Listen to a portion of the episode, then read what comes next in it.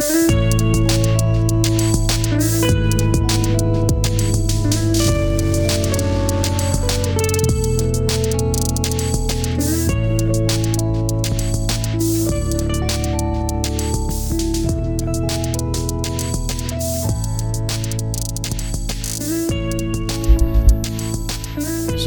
Brian, nu vi øh, sidder herude på Eurosport, og du sådan skal til at kommentere lige om lidt, nu er det cykelcross her i dag og sådan noget. Når du sidder sådan og kommenterer, er der så nogle ting, du sådan tænker, at øh, du sådan er ekstra glad for, at øh, det ikke længere er dig, der står i sådan som, øh, som professionel cykelrytter? Øh, det kommer lidt an på ruten, det kommer an på vejret, det kommer an på dagsformen, men oftest har jeg det faktisk modsat, så savner jeg det, hvor jeg tænker, fuck bare, det var mig, bare Ja. ja. fik chancen en gang til. Mm. Jeg, jeg savner det, ikke sådan savner det, jeg ikke kan sove, men det var en god tid, og man bliver lidt klogere med alderen, tænker jeg, så nogle gange tænker jeg, for helvede, hvis jeg bare fik en chance til at gøre det om en gang til, Mm. og så kunne gøre det rigtigt. Ja. Ja. Så at være professionel sportsmand, det var hårdt. Og jeg tænker ikke, jeg har sådan en romantisk tankegang til det, for det var der også tider, hvor, øh, nej, jeg var sgu egentlig aldrig ved at sige, at jeg, jeg gider ikke det her. Øh, det, jeg nød hver sekund, og det var hårdt, det var afsavn, konstant afsavn. Og som sportsmand, det, be, det beslutter man sig for, at det her, det vil jeg. Øh, et, et eksempel, min, øh, min søn, er 18 år, han skulle... Jeg satte ham af i går, der er tredjedagsløb i Ballerup. Han skulle med holdet, der samling lørdag og søndag. Og han ser ikke finaljagten. Og da han forlader mig i går og for at køre til Holbæk, så siger han, Satans også, at mine venner skal ind til tredags. Øh, det, bliver, det bliver smadret sjovt, siger Mm. han, og det misser jeg, fordi jeg skal sove på en skole i Ja. Holbæk. Jeg siger, ja, velkommen til virkeligheden. dreng." ja. Altså, du, du træffer nogle beslutninger nu. Og hvis du synes, det er sjovere at gå til fodbold, til boksning, til koncerter, Mm. ud med piger på søpromenaden og feste, så gør det det. Ja. Så skal du ikke drømme om at blive professionel cykelrytter. Nu skal du sove på en skole. Du sover med nogle ældre, der selv der måske ikke gider at snakke med dig, men du beslutter dig lige præcis i morgen, om du vil det her eller ej. Mm.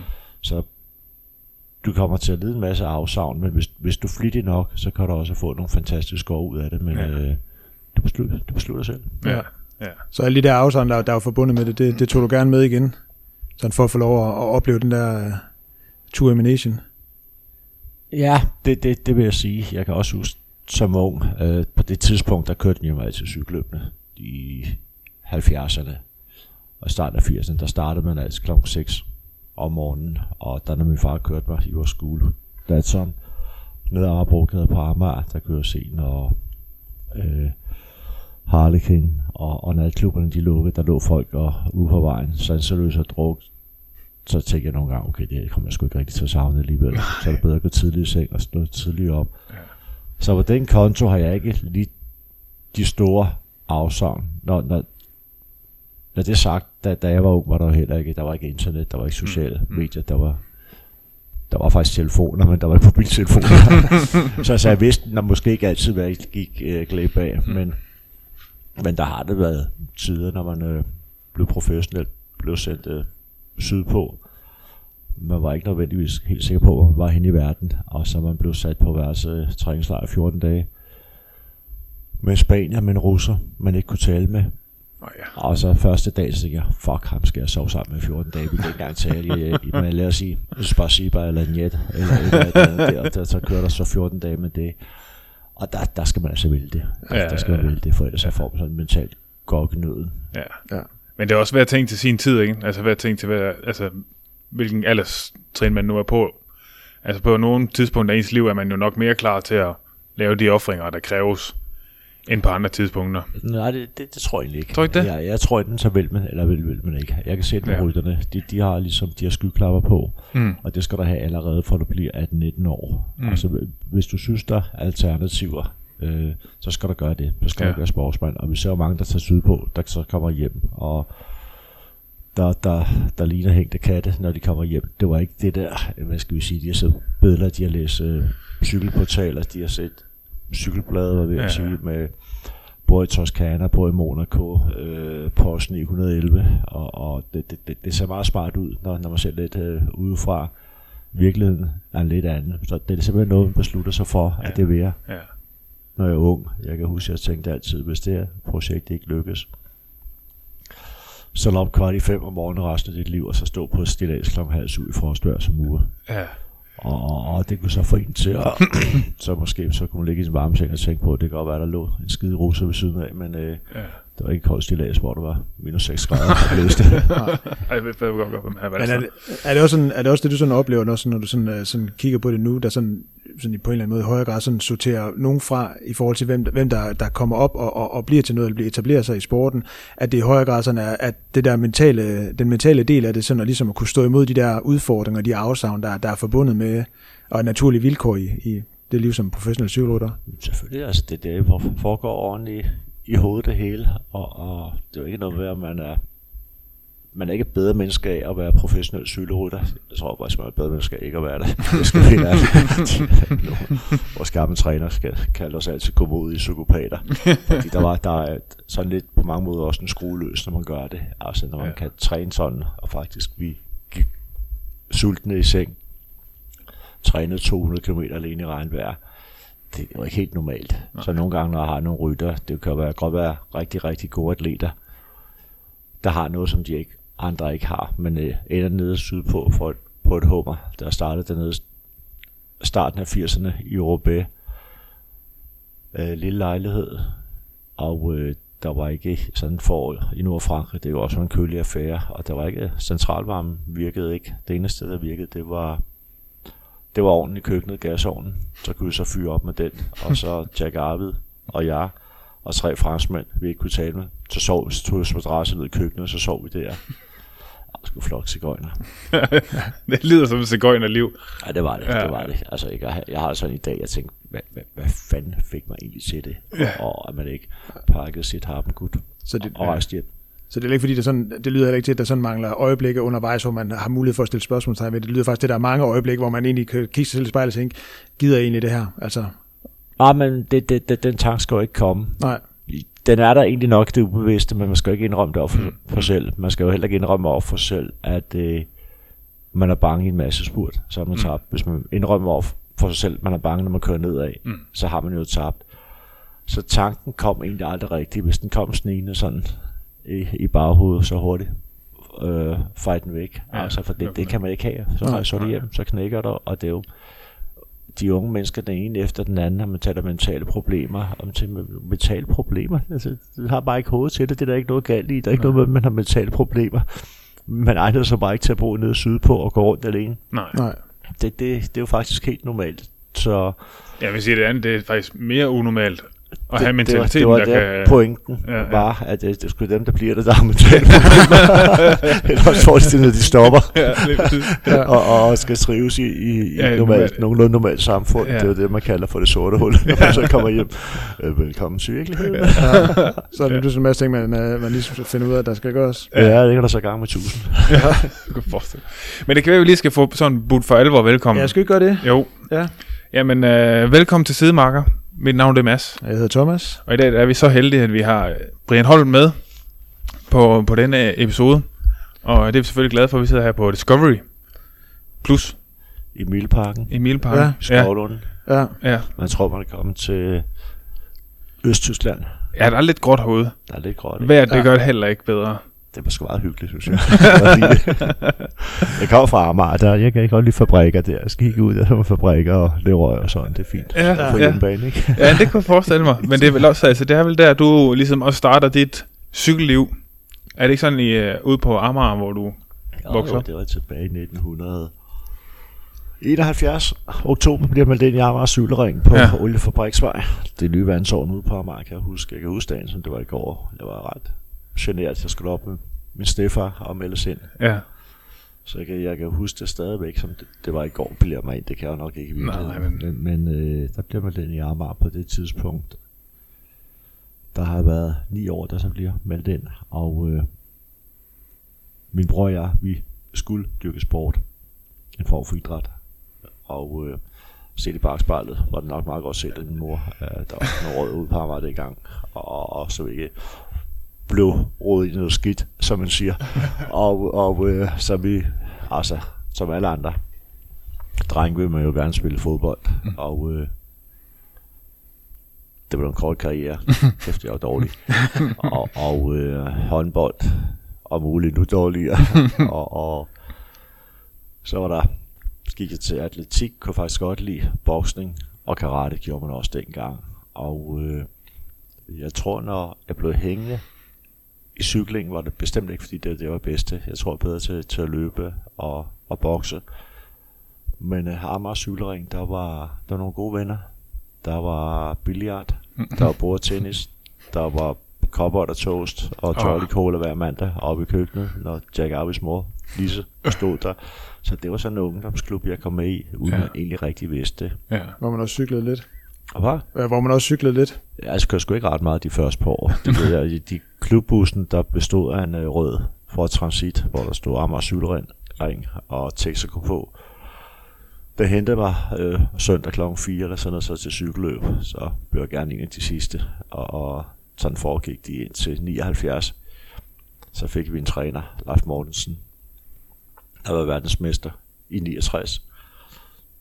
Jeg kan huske, at jeg var på en klubtur en søndag, og så cyklede jeg hjem ude fra Dragør med ham til Amager cykelring og en kilometer.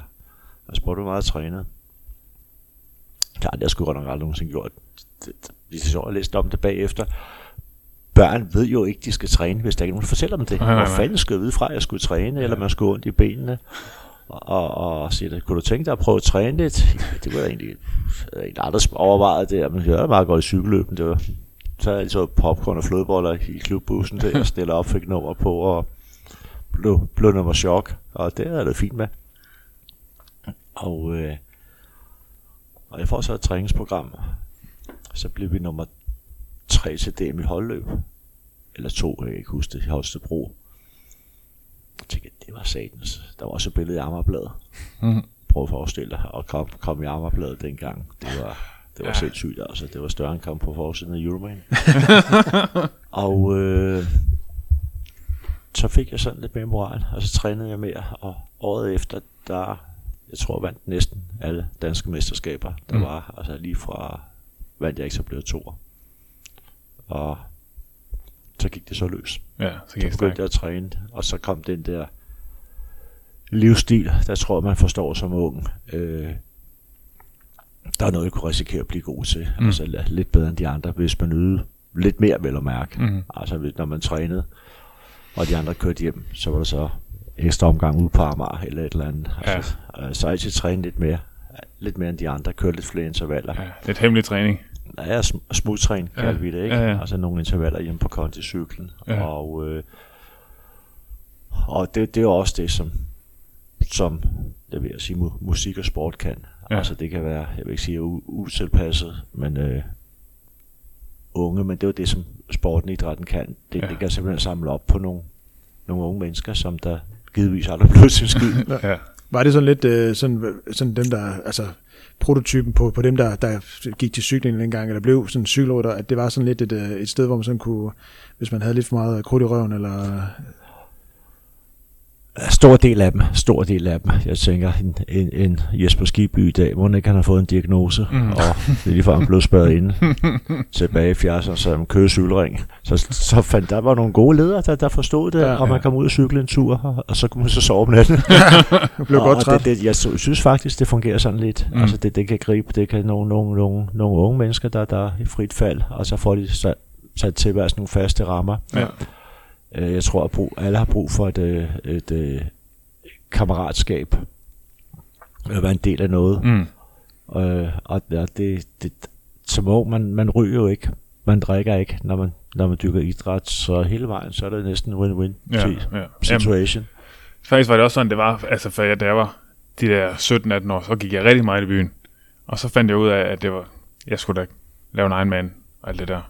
Og så stoppede det ligesom. Så fik man ligesom sådan rettet sig selv lidt ind på en eller anden måde. Så det er rigtigt, det kan sagtens fungere som sådan en et godt alternativ og på en eller anden måde en for, uddannelsesinstitution. for det kan jo være, og, altså, jeg vil være 60 år, men jeg har det stadigvæk sådan, altså, hvis jeg er ude med nogen og få en øl, jeg tænker, ej, jeg skal op og træne i morgen. Ja, ja. Øh, jeg kører hjem nu. Ja, Altså, fordi træningsturen er faktisk øh, øh, sjovere, da jeg får mere ud af dagen. Om, hvis, hvis det er søndag, jeg skal også op og køre, jeg skal til trædersløb i aften. Men jeg rører ikke alkohol, fordi jeg skal op og træne med de unge mennesker i morgen. Ja. Og, og vi var bare kendt, men altså sådan, de, de der tre timer, jeg vil sige fra klokken 12 til klokken 3, de tre timer, de kan jo ødelægge en hel dag, altså hele søndagen, fordi Ja. ja. man ikke kommer i seng klokken 12. Ja, ja, altså, det, ja, det, det, det, ja. så, der, så sport, det er simpelthen sundt, og det er jo meget, meget... Jeg tror aldrig, man, man øh, fortryder en løbetur, eller cykeltur, mm. svømmetur, gåtur, fodboldskamp, hvad Mm. man nu gør. Nej. Ja. Så det, men, og det er det der med, man kan sige, altså det der med at få de der rammer foræret, og måske virkelig også, altså, at det der afsavn, man måske kan, kan forestille sig at have, at hvis du netop sådan, dyrker sådan idræt på, på et eller andet niveau, og ikke går i byen og tager tidligt hjem og sådan noget, så kan det jo tit komme det der med, at, at, at man lider nogle afsavn, men det hører jeg virkelig også lidt, du, du siger, at det, det er jo ikke den oplevelse, du havde, netop som du siger, der, at du kiggede på dem, der lå og var skidefulde og tænkte, altså, Ja, ja, for det, det, jeg har egentlig ofte tænkt på det, specielt bagefter. Det var altid, der spurgt med min afsavn, og man tænker sådan lidt, at jeg skal sgu bare glo på jer. altså, jeg ved ikke, om der er en form for misundelse eller dårlig samvittighed, når folk spørger. Altså, man Mm. kan jo ikke sige, at det er afsavn, hvis man dyrker sport, og, og man går tidligt i seng, man ikke ryger eller Nej, drikker, nej.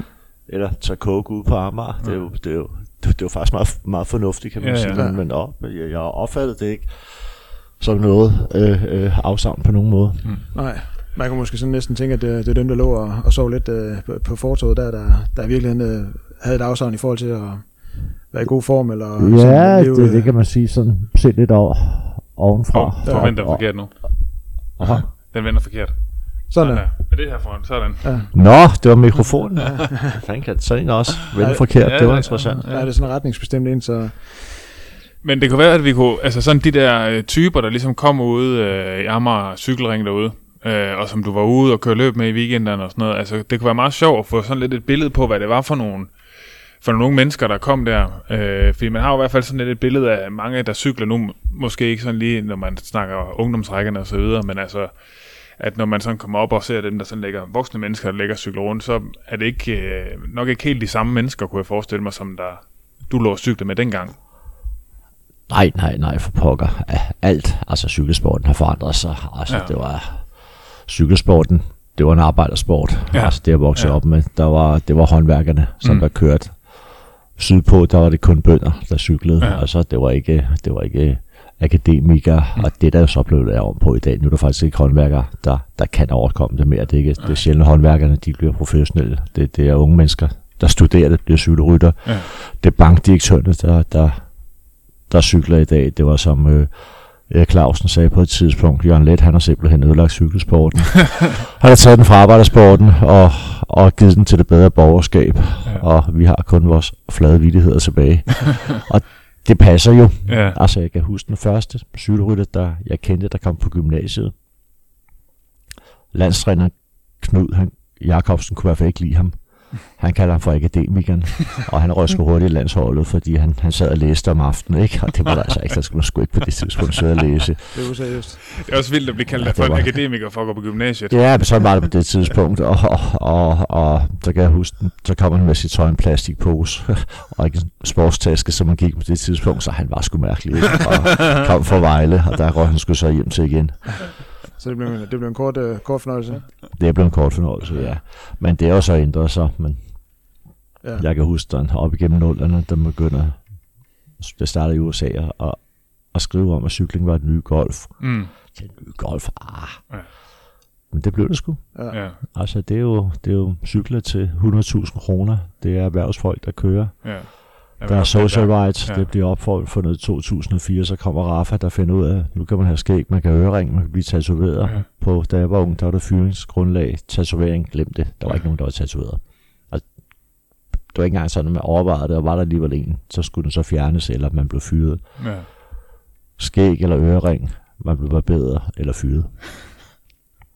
Og sådan var det på det tidspunkt, men, men nu, det, nu har alle unge mennesker næsten form for skæg, eller tatoveringer, eller ørering, Ja, ja. eller, og det, det var heldigvis for det, øh, cykelsporten rammer meget, meget bredere i dag, end Ja. ja. den gjorde i 70'erne og 80'erne og op igennem 90'erne. Ja.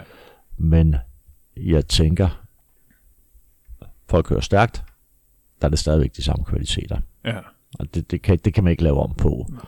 Ensomheden er den samme, præstationsangsten, øh, frygten, øh, motivationen og smerten ved brækket kravben, masser spurterne, Ja.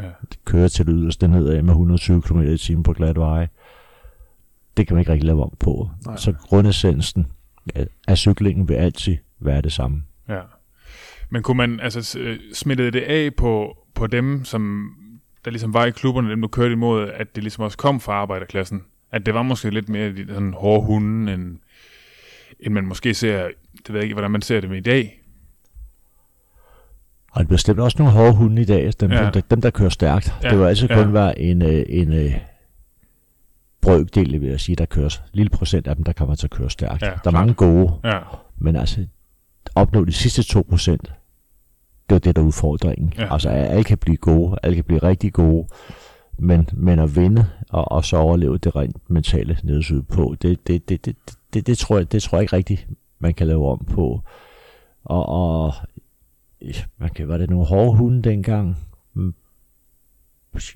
Dem jeg kender fra starten af 70'erne, jeg skal være sammen med dem i aften. ja, Jack Arvid, Sten Michael, så et eller andet sted, selvom vi er konkurrenter, så er der også venner for livet. ja, Og det er nogle hårde hunde, men det er de, det er de bedste venner, jeg, jeg har haft. Dem har jeg trods alt fået fra, fra sportens verden. Ja. Og de hænger ved, og selvfølgelig har der været uenigheder, og jeg husker også et par slagsmål, i hvert fald i 70'erne, ikke? men det har der ikke gjort os mindre gode venner. nej, nej, nej. Det, er også det, den slags nogle gange kan gøre. Men jeg tænker, det der, det der professionelle cykelfelt, som du kommer ud i, da du bliver professionel i, hvad er det, er det 85 eller 86? Jeg er 86. 86. Øh, hvad, er det, hvad, hvad er det sådan, der, der, der kendetegner det, øh, det, det cykelfelt, der er der, sådan i forhold til, til hierarki og sådan kultur og sådan noget? Altså, nej, man har ingen idé om, hvad man gik ind til. På nogen måde. Altså, det var helt ny verden. Og øh, med Skiby og Ries og jeg, Østergaard, vi ender så nede i Belgien. Og øh, kan man sige, der var længere til Belgien i 86, end der er i dag. Mm. Ja. Det var jomrejse at komme derned, og, og det var det kostede af Jetja at flyve på det tidspunkt. Der fløj man ikke bare. Nej. Altså, det var, det var luksus at flyve. Det var luksus at have en bil, så det var det, man efterhånden kan kalde de gode gamle dage. Og øh, kom derned, og der har givetvis været det her key, men når man kommer et nyt sted hen, så skal man også kunne tilpasse sig, forstå hierarkiet, og have en øh, minimum af social begavelse for at komme et nyt sted hen. Altså en vis ydmyghed, Mm. og så kunne tale med benene. Så er det heller ikke særlig svært. Så man kommer ned sydpå, og så må man prøve at tale noget gebrokken fransk eller flamsk, eller hvad de nu taler, hvor man ender. Og, og, og så ligesom øh, følge lidt med. Og, og, og, og det, det var nogle hårde hunde, men det var også nogle øh, rigtig gode mennesker, Ja. Når man lærte dem at kende. Men det, er også, det, er også, øh, det lyder også til at være sådan lidt et, øh, et kulturschok på en eller anden måde, og så at komme herfra, så komme ned og blive, blive professionel. Ja, Jeg tror, det skal passe meget, godt, når jeg kom fra Amager og så lande i, i Bæk på det tidspunkt. Så jeg vil sige, der, der gik ikke lang tid, så følte jeg mig hjemme. Ja. Så følte jeg mig hjemme. Og jeg synes, at størstedelen af tiden, den tilbragte jo med, med Skiby også i Løven, og så boede vi i Gel. Så altså, der var fester og, og glade dage, men der var også et, et, et kolossalt pres. Ikke, ikke fordi det var os, der skulle vinde, men få ny kontrakt og træningen og alle de ting, som der følger med. Øh, slankekurene var ved at sige. Mm. Øh, sulten Ja. og hjemmedenhed sgu aldrig rigtigt. Men altså, når du er dernede, øh, og sådan ligesom i tiden, der går i, altså sådan, jeg tænker også, hvordan er sådan strukturen i forhold til, hvordan, altså har man et venskabeligt forhold til sin sportsdirektør for eksempel?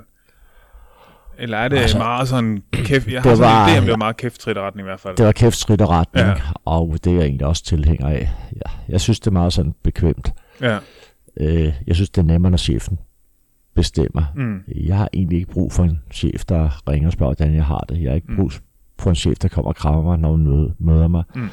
Øh, mine bedste chefer, de har holdt os et skridt for livet. Øh, når, når de sagde kørt, så kørte vi. Og når de sagde klokken 9, så var det klokken 9, Mm. og ikke 5 minutter over. Så det er bare kæft, skridt og retning. Men jeg vidste også, at hvis der var problemer, så var de der. Altså, vi har trupper. Vi skal slippe for historierne. Vi har lavet nogle ulykker. i tidens løb. Det har ikke lige været lige kønt alt, hvad vi fik udrettet, når vi ikke når vi sad på cyklen, og vi blev restløst nede i, i Belgien. Og hvad skal vi nu finde på? Kan og, det passe, jeg har hørt en historie om noget med fjernsyn? Ja, det var en af de pænere, hvor skib smidt. Det var Komosøen, hvor de sidder og, og ser eh, Rayuno, eller hvad ved jeg, og er det knarven en, der siger, at der er ikke noget lort, der er ikke noget fjernsynet.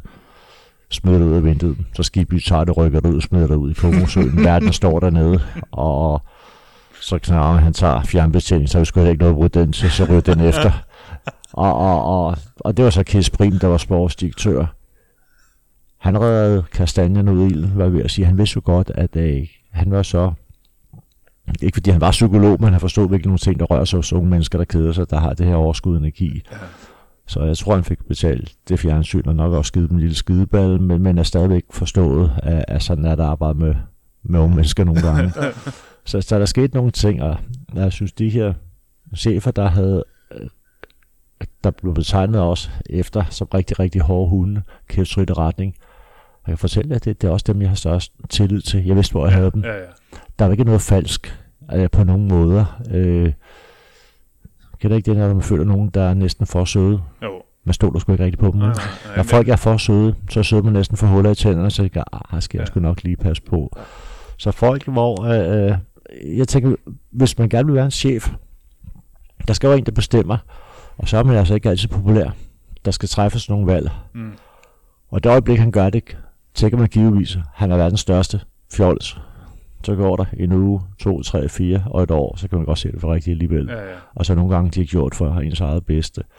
Og så var den konto, der de her gamle, såkaldte hårde hunde, der ikke altid havde det bedste rygte. Øh, tiden efter, hvor vi stoppede, det har så vist de, de hårdeste, vi har haft, også i Danmark. John Struve, vi må ikke drikke, når vi trænede. Nej, nej. Det var forbudt at drikke. Det var kæftrygt retning, som, altså, det var, det må være i Østtyskland, når man kommer det her under hans regime.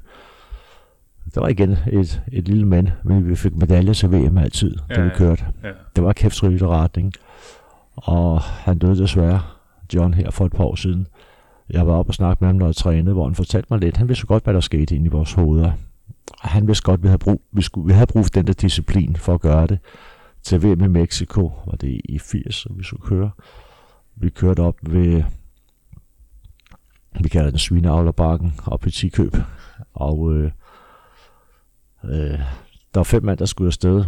Der var otte mand i brusetruppen. Så kørte vi holdløb rundt på den her skide bark. Ubekendt distance, indtil der var fem mand tilbage, til der var tre, der røg af.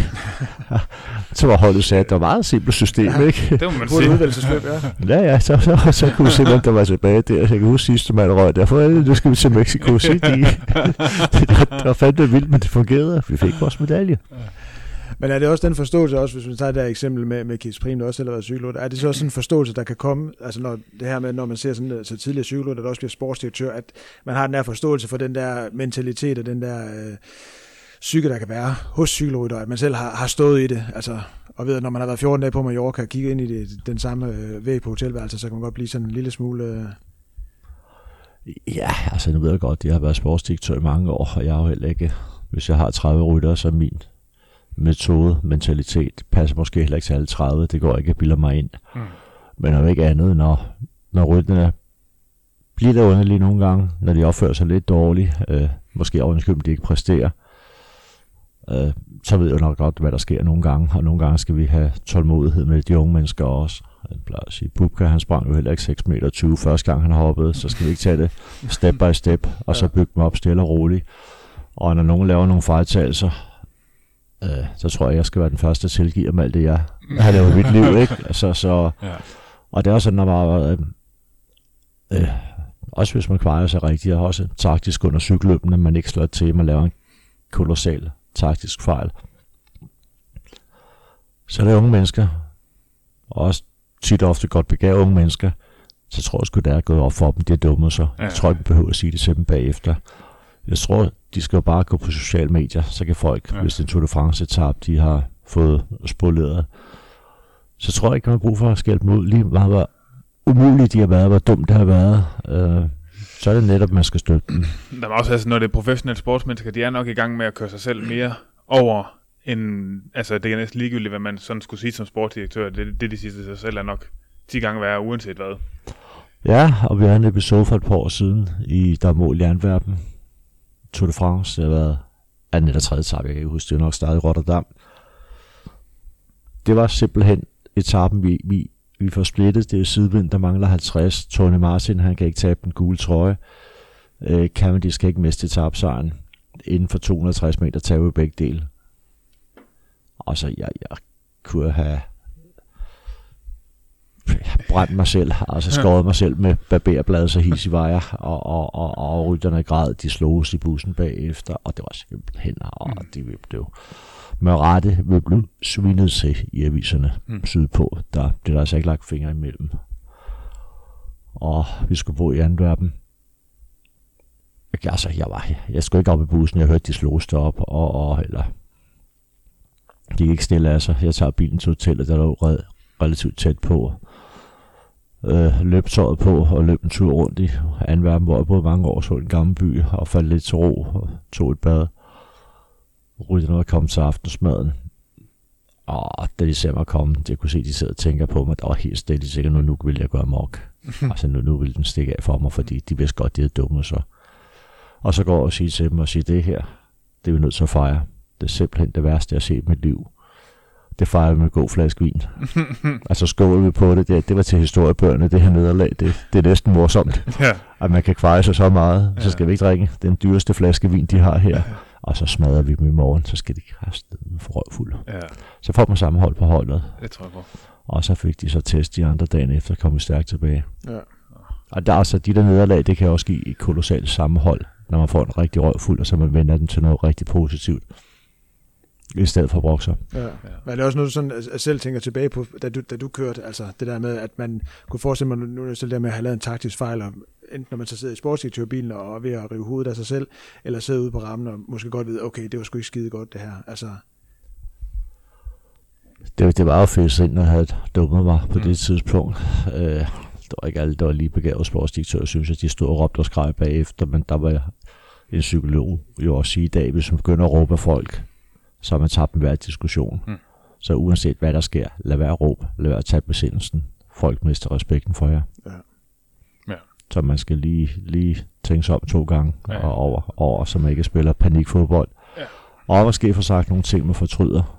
For de unge mennesker, de, de husker det. Ja. De er næsten rigtig mange år. Ja. Ja, fordi man skal jo heller ikke nok ikke altså underkende, hvor meget en sportsdirektør betyder for en cykelrytter sportsdirektør skal man være der for dem, uanset ja. hvad. Altså, de skal vide, jeg vil sige, at man skal tage en kugle for dem, mm. hvis de ligger sig ud med pressen, eller med andre, så vil jeg altså forsvare min rytter. Mm. Det, det, det, nogle af dem vil nok også sige, at jeg kan være et dumt svin, men der skal ikke være nogen, der kommer, når de var modvillige i pressen, vil altid være den første. Mm. Hvis der er nogen, der taler dårligt om dem, ja. så skal de vide lige meget, hvor meget de dummer sig, så er vi der for dem. Jeg er selv rytter, som jeg vil sige, var rigtig, rigtig sur på dem med doping hvor de blev taget. Kohl, Senkevits, var det Senkevits, der fik lukket til mobil. Det var min rytter, mm. men jeg ringede til ham bagefter og snakkede med ham om det. Ja. Og, og, og han får simpelthen lukket hullet, Patrick, og, og øh, det kostede mig en formue for jeg, øh, jeg, jeg mistede også min løn jo, jeg ja, tre års ja. kontrakt.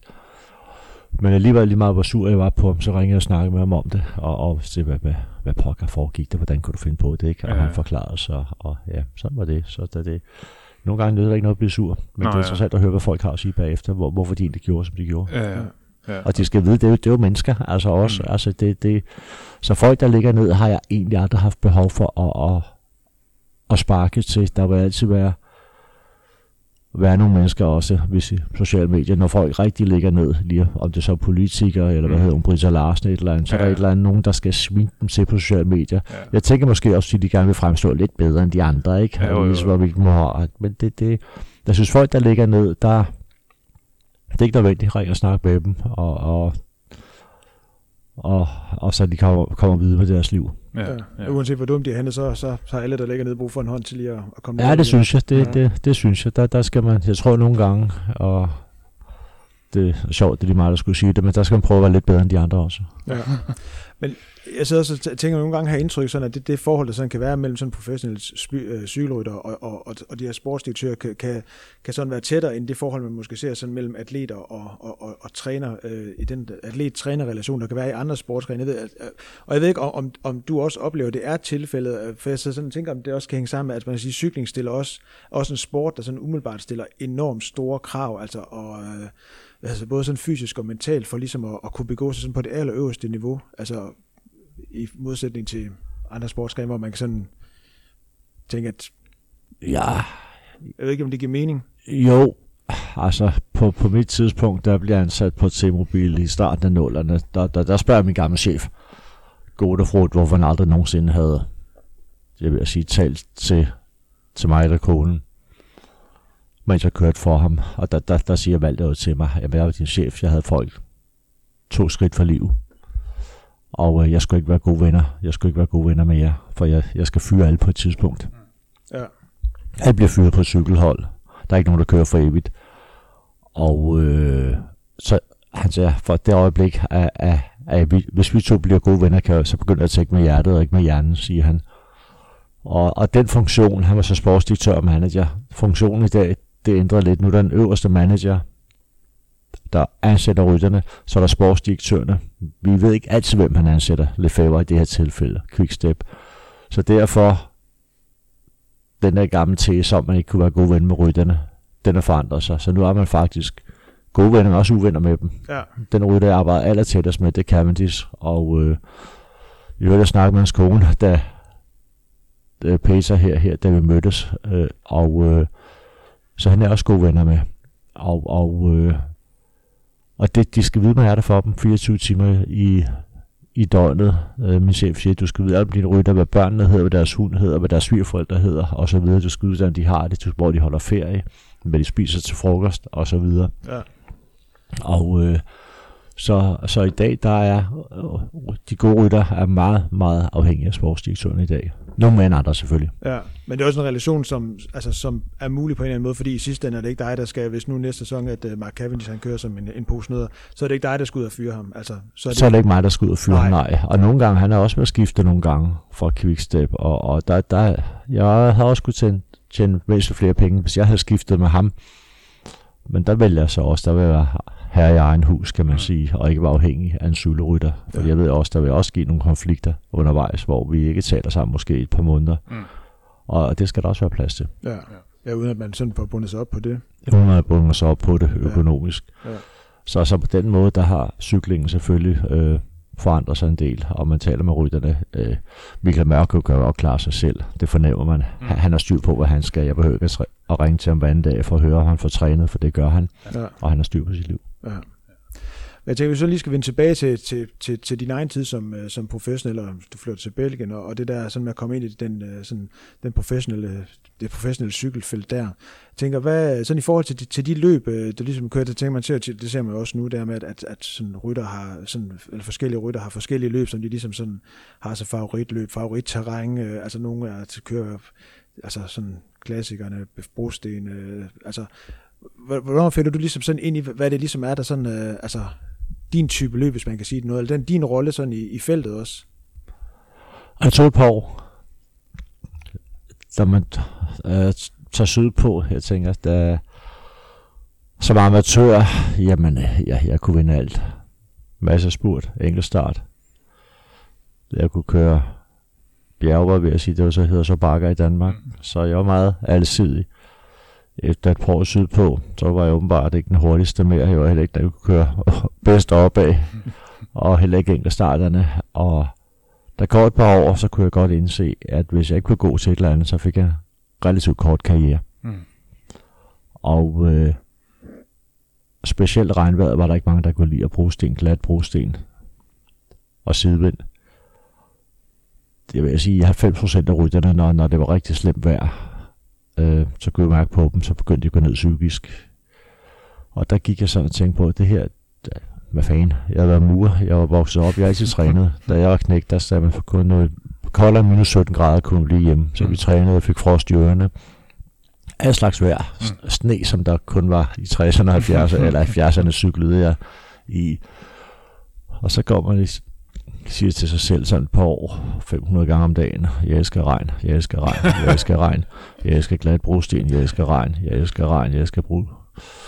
Og så jeg lærer min søn, sulten er min ven, sulten er min ven, smerten er min ven. Det er godt, når der går ondt, det går mere ondt på de andre.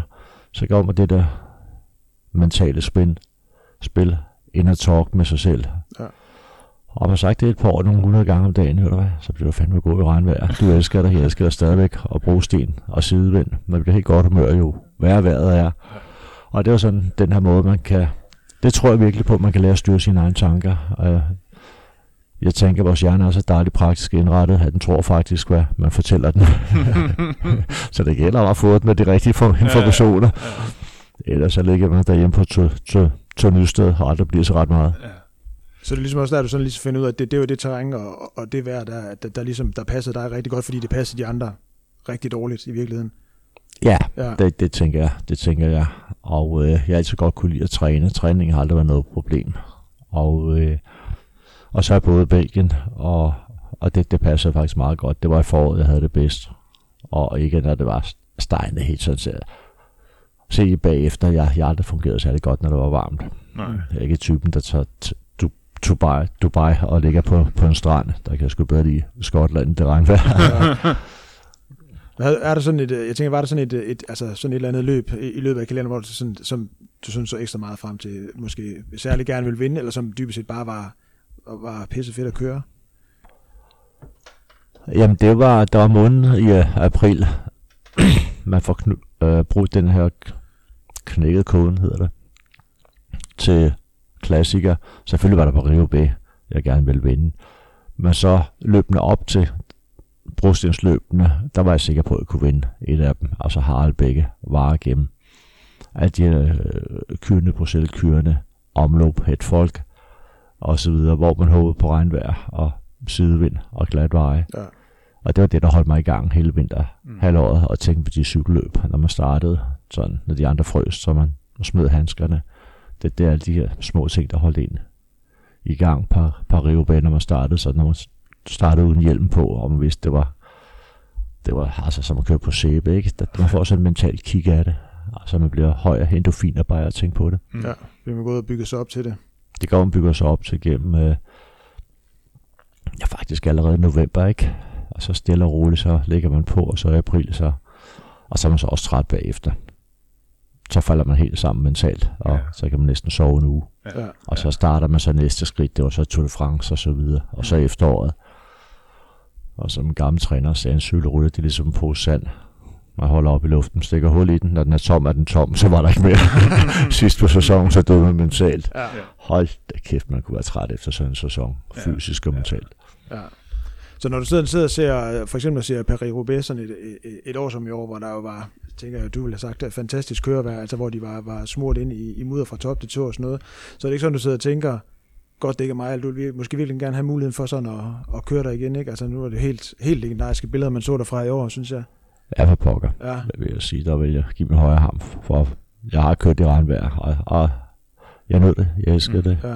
Og det vil jeg gerne. Det. Jeg synes også, det er rart at at se på noget, og så egentlig savne det. Ja. Jeg tænker, fuck, det gad jeg godt gøre en gang ja. til. Det, det, det var en god tid. Det var en rigtig god tid. Altså kammeratskabet, venskabet med mekanikerne, med sådan, sådan Jøres.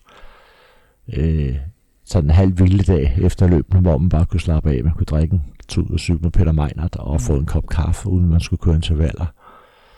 Og så nærmer sig den næste klassiker, så helt det her spil op til med at få, jeg vil sige, nye briller øh, eller ny, whatever, øh, nyt cykelstyr, man skiftede styret eller sadlen for at få lidt moral ud af det, mm. eller lige drøbede den 2 mm, eller styret. Alle de her små ting, alle de der knapper, man havde tryk på, som der var med til at sætte en op, det, det, det kan da godt savne. Ja. Og nu tænker jeg, altså, nu sagde du også der med, at, at, at Paris selvfølgelig var, var et oplagt løb, gerne ville vinde, og, og det tænker jeg, det kan vi af, ikke fordi vi afslører for meget ved at sige, det vandt du faktisk ikke, men du vandt du faktisk et andet øh, Paris-Bruxelles, som også har sådan lidt øh, klassikerstatus. Og jeg har hørt lidt en historie om, at, øh, at da du kører i mål, øh, hvad hedder det, der til Paris-Bruxelles, at øh, du laver sådan en meget afmålt sådan fejring af din sejr. Der, jeg ved ikke, om du sådan kan fortælle den, den historie Om det jo, er, jo, også det, det, det, er rigtigt, det er rigtigt. Det, det var da positivt, den historie. Jeg har egentlig ikke satset, og det kan jeg også fortælle noget om. Jeg tænker altid, at jeg træner for meget, da jeg kørt. Fordi jeg, jeg tror, jeg er ret usikker nogle gange. Min dybeste fejltagelse var måske at holde, holde op med at arbejde med Leif Mortensen. Og øh, Paris-Bruxelles var egentlig ikke over det. Det var, jeg skulle, jeg skulle, jeg kørte ikke for at vente, da jeg startede. Jeg, øh, ugen før havde jeg kørt Grand Prix de Max, og der havde jeg trænet så var en enkelt start, ikke? Der var en enkelt start ja. ved omkring Atomium, uden for Masse, altså øh, Bruxelles og Masse, der boede i de Max. Jeg kan ikke huske, 50-60 km. Og den ville jeg vinde. Så havde jeg trænet solen sort og kørt Derni, og som så ofte før har jeg nok trænet for hårdt. Altså 100 km om morgenen, eller 180, hvor jeg kørte, og så måske nogle dage 100 km efter Derni. Mm. Og jeg kan huske, det var i efteråret, Grand Prix de Mærks, det kan blive 4 eller 5. Så tænkte jeg, det var satans. Jeg vandt ikke. Så stopper jeg for i år. Der brændte jeg ligesom sammen oven i hovedet. Og så havde jeg 4-5 dage, hvor jeg kørte ikke intervaller. Jeg rullede, drak kaffe med skibby og mejner, spiste pandekager, fuldstændig afslappet oven i hovedet. Øh, jeg kommer ned til Brys, øh, hvad hedder det, Novelle, eller hvor, det, hvor vi startede Paris Bruxelles. Og øh, jeg kan huske, Willy Terling, han spørger sådan, hvem har ambitioner? Hvem tror, de kan vinde? Så kigger han på mig, så siger så siger han, nej, nej, nej, nej, det, det er ikke mig i dag, siger jeg. Det, det kører for nogle andre. Jeg, jeg, jeg, jeg hjælper rytter. Og så kan jeg ikke huske, det tjente Vilde eller Lillehold, eller hvem det blev. Og jeg kan huske, cykelløbet kørte bagfra der var sidevind, og jeg var fuldstændig ligeglad, og første gruppe kører jeg ikke kom med. Så jeg kørte lidt bagfra hele dagen, og gru- grupperne, det var ikke min skyld, de blev samlet igen. Jeg sad bare i, i, i klumpen, om så, så må sige, og, og, og åbenbart så sparede mig hele dagen, som det ikke var med vilje. Og så i, ikke Alsenberg, sammen med omkring øh, Brabrand og Pejl, der er også cykelløb, hvor man kører der. Brugstenstigningerne kommer. Det første er, der mangler 20-25 km. Jeg tænker, det var sgu da satan, så er der diamanter i benene. og de første foran, der var kørt en gruppe med Kierpucci og Frans Marsten og så videre, de her, de her stjerner. Og så kører på en af brusensbakkerne. Det er bare, jeg har gode ben, så jeg prøver sgu lige, jeg prøver lige bindtåret, og så kører jeg sig, hvad fanden der? Jeg vidste, der sad en gruppe foran med Kierpucci. Og så udkanten af Bruxelles, der henter jeg ham, der er mange 6 km. Og han var superstjerne på det tidspunkt. Og så kører jeg forbi ham, og så er der 6 km, og jeg kan høre fra vognen, de råber, jeg har 6-7 sekunder hele vejen ind igennem, men der var mange sving, det var jeg god til inde i Bruxelles. Og, øh, og jeg kan huske, at jeg ser målstregen kom, og så tænkte jeg, hold kæft, det gik næsten fornemt det her. Kip, husk, sad der andre ude foran, og jeg sad og kiggede efter førerbiler og kommissærer, hvad der nu kunne være foran. Og jeg kan huske, Skiby havde, er det Covadonga, han tror, han vinder i Vueltaen året før med armene i vejret, så ser han der står på podiet, ikke? Og så tænkte, det skal jeg ikke også lave, så det var lidt afmålt, jeg, jeg rækte armene i vejret, der kørte over sådan, slog lidt ud med armene, som om det kunne også være gæstudspids og blev toer. Ja. Og jeg kan huske, Belgierne sagde bagefter, du virker ikke sådan overlykkelig. Så sagde jeg, nej, det så jeg skulle stille og roligt, som jeg vandt øh, 18 cykler på året. Jeg vil ikke indrømme det der. Så det kom til at lyde som om, at det sådan var en helt, helt almindelig øh, tirsdag for dig. Bare lige, ja, ja, de har ikke overlegen øh, skider ikke? Så var jeg heller ikke vundet, men øh, det var flot at sige. Jeg troede, der, der sad nogen foran. Måske, jeg var ja. ikke sikker. Nej. Så, og det, ender, det er jo sådan egentlig, øh, at lidt af de, sådan, de, de største løb, du, øh, du vinder i, i din karriere, ikke det? Jo, jeg vinder, det ser nogle gange med, hvor der var mest. Jeg vinder 12, 13, 14 cykelløb, og det var vel egentlig de, det største, jeg, der var, jeg synes, jeg var tæt på. Øh, nogle gange i, i der er altid, når man stopper, der er de her cykelløb, der stadigvæk rider mig som en mare, jeg ikke vandt. Mm. Der er OL 84, der skulle vi have haft OL-guldet. Ja. Og der er 3600 dele. Vi bliver slået ud. Og amerikanerne, vi har aldrig hørt om dem. Det viser os, de var bloddåbet bagefter. Ja. jeg var murlærer. jeg var murlærer. og det var, der, der startede festen allerede med doping, ikke? Ja, altså, der, og det var, der var, der, der røg OL-medaljen, eller guldet, bedste fald. Men i hvert fald medaljen røg, fordi de slog os ud om de her skide amerikanere. Jeg har aldrig rigtig tilgivet dem. De begyndte at gå hurtigt lige pludselig. Hvad Er de begyndt at køre hurtigt lige pludselig? Ja, ja, surprise, surprise, alt det, ja. alle de problemer, der kom mm. bagefter i sporten, men det var, det var tilladt åbenbart på det tidspunkt. Og så VM på landevej, der angriber jeg, der mangler 800 meter og bliver hentet 10 meter ind i stregen og bliver fire året efter. Ellers havde jeg været amatørverdensmester. Jeg skulle nok have ventet på spurten. Jeg tror, jeg kunne vinde spurten.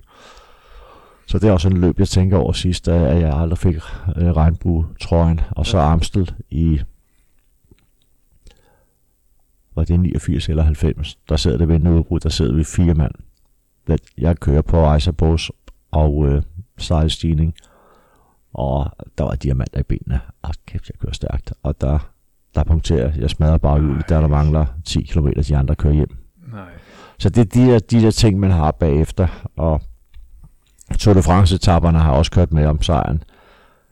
Mit problem var, at jeg var en ryttertype, der altid ja, stak og stak og var i udbrud, udbrud. Og så når jeg ramt udbrud nogle gange, jeg skulle lige træffe de andre dage, så kan jeg hjem med Andersen og, og Charles, uh, Charlesberg og så videre. Jeg kan huske til Bruxelles, bliver to eller tre af. Charlesberg vinder. Kia Pucci også, min gamle ven. Og Lemmerne også med. Og, og det var en af de her dage, hvor øh, det var 3., 4., 5. etape Tour de France. 93 det stod nedstænger, der var brosten dengang, brosten Tour de France. Alle stjernerne, de ville strække. Øh, klassementrytterne, det er klart, det er de ikke lyst til, at miste klassementet ved at styrte på brostenene, da man kører fra Roubaix til Bruxelles. Og så foregår det sådan, de står foran, alle de her stjerner råber, annulé, annulé. Og, og, og jeg står sådan nede bag i, jeg står, står med lille hold Johnny Wells, og jeg tænker, nu vil de, nu vil de øh, strække det er ikke sådan, vi strækker, når vi kommer ned øh, i bjergene. og ved at få hadeslag og ligge og slås for tid, så kører de jo bare, og, og jeg husker, jeg går op foran, og, og når de råber, at nu begyndte jeg at stå og sige dem, fuck off. Altså, jeg, jeg vil køre cykelløb, I kan, I kan stoppe, jeg kører. Ja. Og der var, de var sure, og jeg fik, jeg fik ret, vi kørte. Første gang, gang på stenene, der røg vi så afsted med Lemon og Charlebær og Kirpuche og køre hjem også fire. Og, og der fik jeg så lidt ud af det, men stadigvæk jeg har stukket alle de andre dage, og bliver selvfølgelig slået Schalberg i smurten, der mål under atomium. Ja. Det var sådan en hård gruppe at komme hjem med. Ja, det var en fin gruppe. Det var ja. en fin gruppe. Lemon, jeg snakkede med ham nogle gange, han sagde, det var sidste gang hans karriere, han kørte stærkt. Han var træt lige, synes jeg, efter den dag. Det er rigtigt, han siger faktisk, den sidste rigtig gode dag, han havde ja. som cykelrytter, det var den dag, og siden gik det ned ad bakke.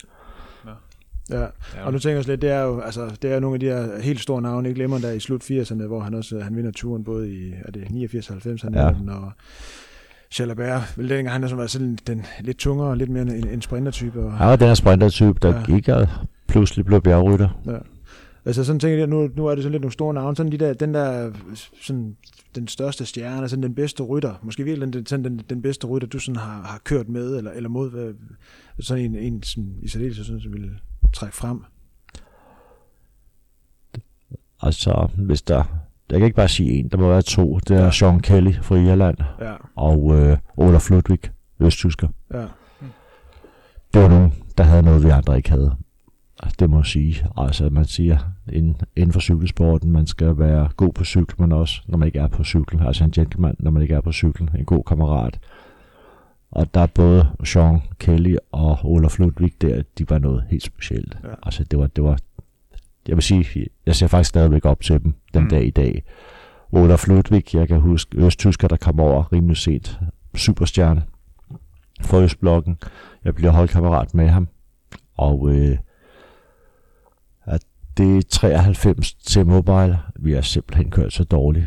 Hele foråret, klassikerne. Der er ikke nogen, der blev noget. Der er krisemøde med Gode Frod og hele direktionen af T-Mobil, de siger i morgen, der er Henning Turm, der var et rigtig godt, stor cykel, 1. maj altid. I vinder i morgen, eller vi lukker holdet til næste år. Altså, der, der, var der, der var pistolen for panden. Altså, der var, der var ikke nogen plan B, vi skulle vinde. Jeg tænkte, hold nu kæft, ikke? Og vi kører, og vi jagter, og øh, Tarnusbjergene hedder det dernede, og der kører den så vanlige gruppe. Vi får dem kørt ind, ind til Frankfurt, og øh, der kører trods tre eller fire omgang Henning og Turm, det her øltårn inde i Frankfurt. Vi får det samlet. Sidste omgang henter det hele. Der er spurgt op ad bakke, og Olaf Ludwig, han vinder. Så hvis vi hopper der stadigvæk, så vil vi ikke arbejdsløse året efter alligevel, og, og der vil være ro på, for, fordi han havde vundet, eller vi havde vundet. Øh, der hvad hedder det, permanence presmøde bagefter. Og vi holder jo siden af hinanden. Jeg noterer mig så, da Olaf lægger sin cykel ind i bagagerummet af bilen, at han har og sadelpinden, sadlen han banket helt i bund. Normalt, der er altså ikke plads i, jeg tror, der er Mercedes 190 lille bagagerum. Det tidspunkt, så nogen tog sadlen af, når man lader den ind. Han har banket den i bund, så siger han, hvor fanden tager du den ikke af? Du riser der sadelpinden på den der. Og så siger nej, nej, det, det var ikke med vilje, men øh, bolden var knækket ind igennem Frankfurts gader de sidste 20, så den var røget bund hans sadelpind, så han har så siddet og kørt på overrøret med sadlen i bund. Nej. Så det kunne du sgu da ikke. Altså, du, jo, jeg havde også krampe. Er der sindssygt, jeg krampe de sidste 20? fordi jeg sad med røget bund. Og jeg, det kan du sgu da ikke. Så jeg kan huske, han kigger på mig. Så siger han, jeg vil skulle jo vinde, skulle vi ikke? Havde jeg ikke opdaget det, eller sagt det, var der, han aldrig sagt det til nogen. Nej, nej. Det er en normal, normal cykelrytter, han ville tage cy- øh, cyklen og råbe og skrige og vise den og komme i tv, ja. og Olaf han vandt, han sagde aldrig nogen. Nej. Det er klasse. Ja, ja det er klasse. Og, og den type var han meget, meget, meget beskeden. Ja og superstjerne. Og altså, han havde en motor, som vi andre ikke havde, og det havde Sean Kelly også, ham her Ian, som jeg trænede lidt sammen med de unge år nede i Vildvore, der boede der. Ja, og det er sjovt, altså sådan netop sådan, øh, sådan netop rytter, der har kørt der i 80'erne, sådan er bare fuld cykelsport i 80'erne, er han jo sådan, Sean Kelly er jo en af dem, man sådan trækker frem, vi har vundet, hvad var det, Paris, Nice, 4, 5, 6 gange træk, og altså... Og World Cup, og... Ja, har været, været, og stadigvæk, ikke også? Og den her, jeg kan huske, næsten hele sin karriere, han, øh, han kørte den samme bil, en Citroën CX. Jeg kan han kigger på mig og siger, Brian, du skal aldrig bruge dine penge på biler. Det kan du gøre, når du stopper. Ja. Og det var sådan et godt eksempel, han kørte rundt, den her super, super stjerne, der ikke kørte rundt i en kæmpe stor bil, en Porsche eller ja. et eller andet der. Det, jeg kunne godt lide den der ydmyghed, han havde. Det var jo en sponsor, eller jeg tror, han havde vundet den i, i bilen, ikke? Og han sagde, du skal huske at købe en, øh, en, en øh, stationcar, hvor der er plads til cyklen. Du skal ikke spille smart nu, det kan du gøre, når du stopper, siger han. og øh, han boede hos en familie i Grimbergen, altså lige for Bruxelles, og der øvrigt talt dansk, familie Nice, den familie, han boede hele karrieren privat. Han sagde, du skal ikke bruge penge på, på husleje og sådan noget, du skal leve simpelt, siger han. Du skal bare træne, spise og sove og familien Nice, der flyttede derned, de talte jo dansk, fordi han havde været skudt ned i Danmark under krigen. Herman, hans plejefar, ja. og der der talte dansk i Danmark under krigen, og de så belgierne, de så tit ofte cykelrytter til sig, så kan man bo der privat. Så jeg gjorde lidt, lidt samme model. Det tror jeg, jeg ikke blev Sean Kelly, så havde jeg nogle gode år dernede. Ja, ja. Hvis vi så bevæger sådan lidt over i, altså i den, den, den modsatte ende af skalaen, den der rytter, som måske var bare sådan lidt... Pisseirriterende. Ja, rigtig irriterende, rigtig træls. Enten måden at køre på, eller bare... Ah, der var ikke Shell, det Gil Bouvard, Bouvard og Roskjoli. Der er to, så vi kalder dem for kvarker, folk der sidder rytter. Enten så stak de af, når man kørte langsomt, der egentlig var fred og ro, så man kunne få lidt at spise, spise eller tidspause. Eller også så sad de og kvarkede sådan, de, hvor de faldt mere, altså foran hvor man sad, eller de prøvede at komme ind foran en hele tiden. Så der var de der irriterende typer. Vi havde her på Eurosport, det, det tror jeg godt, jeg kan sige, her lukket for Vi havde længst, jeg ringede til Armstrong i dag, vi skulle lave Radio Tour, et program vi har. Så øh, talte vi om ham, jeg siger, kan du huske ikke Bouvard? Ja, det kunne han godt. Kan du huske dengang, du hakkede ham i? Ja, han var fandme irriterende, siger Lance. det klippede, klippede mig så ud herude, det må vi ikke snakke om, de, de gamle dage der, men det, det var der også plads til dengang, så der var nogle typer, man havde som pesten. Ja. Jeg tror faktisk, jeg tror faktisk, jeg tror faktisk, Armstrong selv nævnte det i, uh, i, i sin podcast. Jeg tror, jeg tror faktisk, det er i forbindelse med, at uh, I muligvis også har snakket om, om Sepp Kuss. Uh, det er rigtigt, ja, ja. Det og var... hvor han, han faktisk også nævnte, at, at I Vest havde snakket om, at, at, sådan på, at, at det kunne have en betydning, hvis man afhænger med sig ja, på, på dansk var, eller engelsk. Han var, No. Nej, det, det, det, det er rigtigt. Og, men det er også det, cykelsporten kan, for vi sidder herude på Eurosport, og vi sad i det program, og siger, hvad, hvad fanden skal vi ringe til? Så siger vi, jeg har Lansers nummer, han, han skriver nogle gange. Vi ringer til, han tager telefonen, ikke? og han er ude med se Henka Pige, de var ude at cykle der, giver os lige en halv time. Så ringer man op, og så er han med i, jeg tror det hedder en vlogcast herude, en podcast. Og det, der, der cykelrytter er altid meget sådan tilgængelig ja. og, og nem at kunne kommunikere med, synes jeg. Jeg ja. kan huske, at jeg sagde, eller sige, vi spørger, hvordan det gik med amerikanerne under Tour de France. Han siger, what about Denmark? Where the fuck is Denmark? Is next to Czechoslovakia eller et eller andet, eller Slovakia, siger han. et humor har han. Ja. Ja, han har en.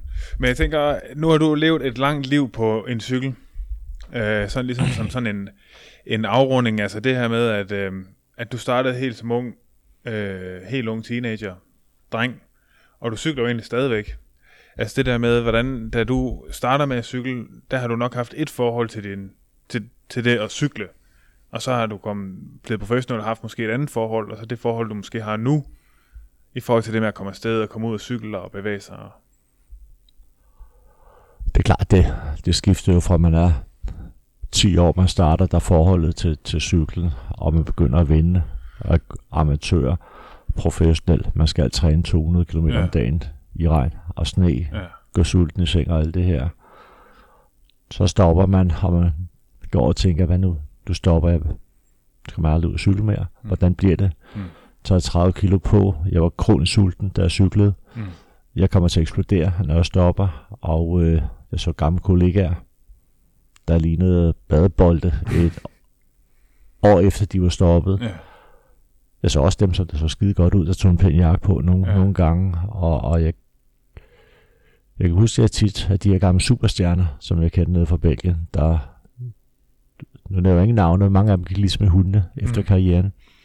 Og der tænkte jeg altid, sådan skal jeg ikke ende.